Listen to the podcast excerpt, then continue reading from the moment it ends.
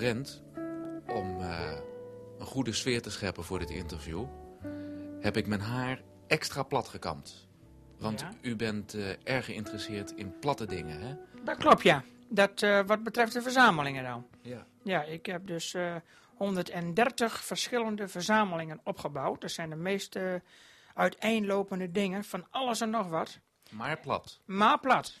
Aantekenstrookjes.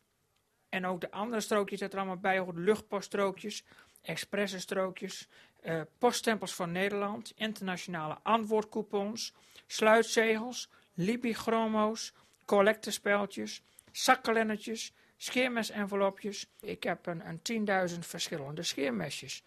Die dingen zijn dus niet van papier, maar wel plat. Scheert u zich elektrisch? Ik scheer mij elektrisch. Ja. Met 10.000 scheermesjes in huis, meneer. Drent. Ja, ja, ik scheer mij dus elektrisch.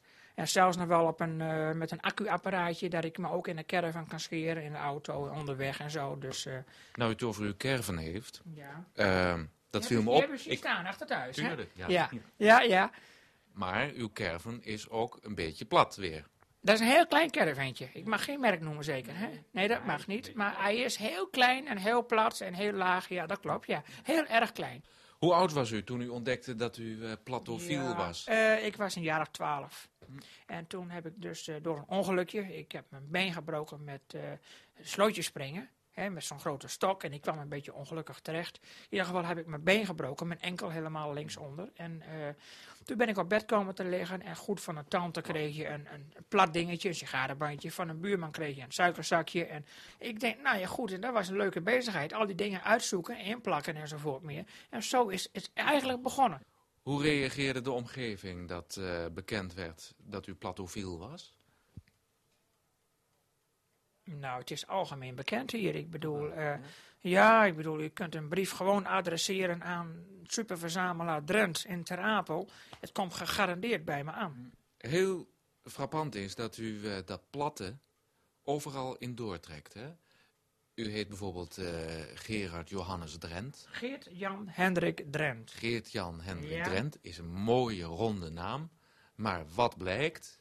U heeft daar Drentini van gemaakt. Een Ja. platte naam dus. Ja, ik bedoel, als je dus op toneel staat en ze zeggen van dames en heren, eh, nu komt goochelaar Geert Drent. Ik bedoel, dat, dat, nee, dat heeft geen juiste klank. Hè? Ik bedoel, als je Bolt heet en je hebt een circus, dan kan je Boltini noemen. Dat, dat hoort gewoon een beetje, een beetje leuker.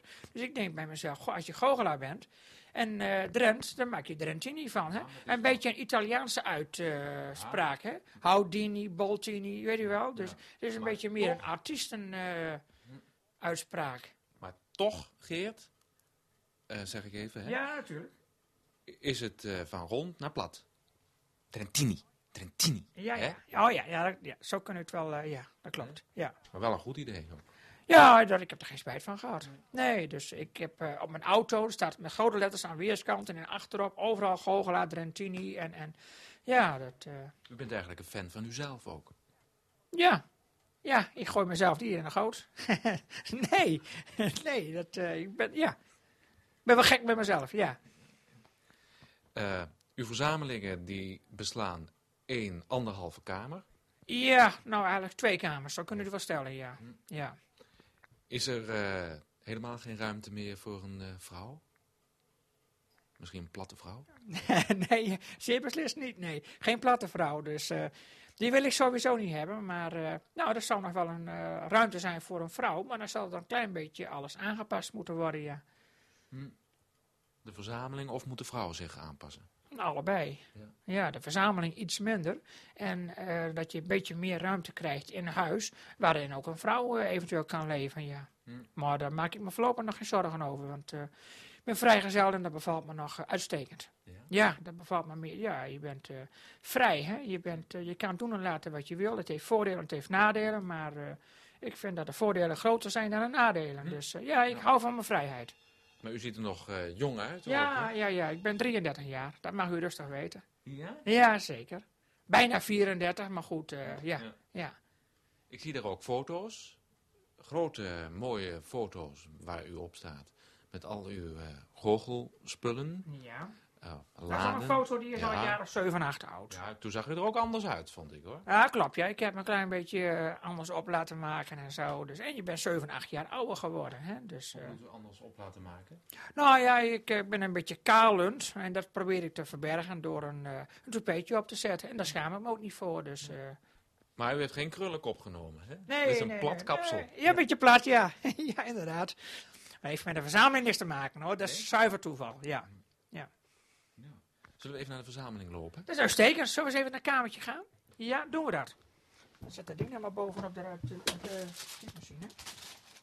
Oh ja. Zo, ja. Een, Dat eh, eerst even kamer. rondkijkt. Dat u even in die... Oh! Oh, wat doe ik nou? Nou, nee, gaat net. Nee, dat gaat net goed.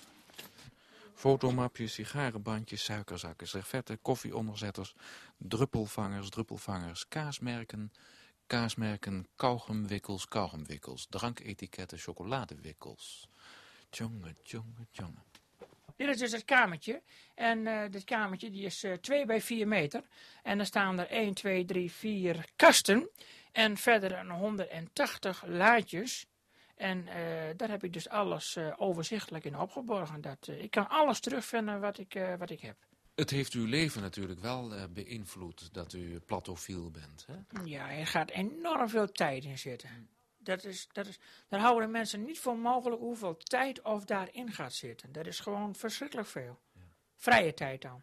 Zijn er veel platofielen in Nederland? Ja, behoorlijk veel. Als je alleen al de, de postzeggenverzamelaars neemt, eh, de filatelisten, nou dat zijn allemaal uh, platofielen, ja. Hm. Want postzeggers die zijn allemaal plat.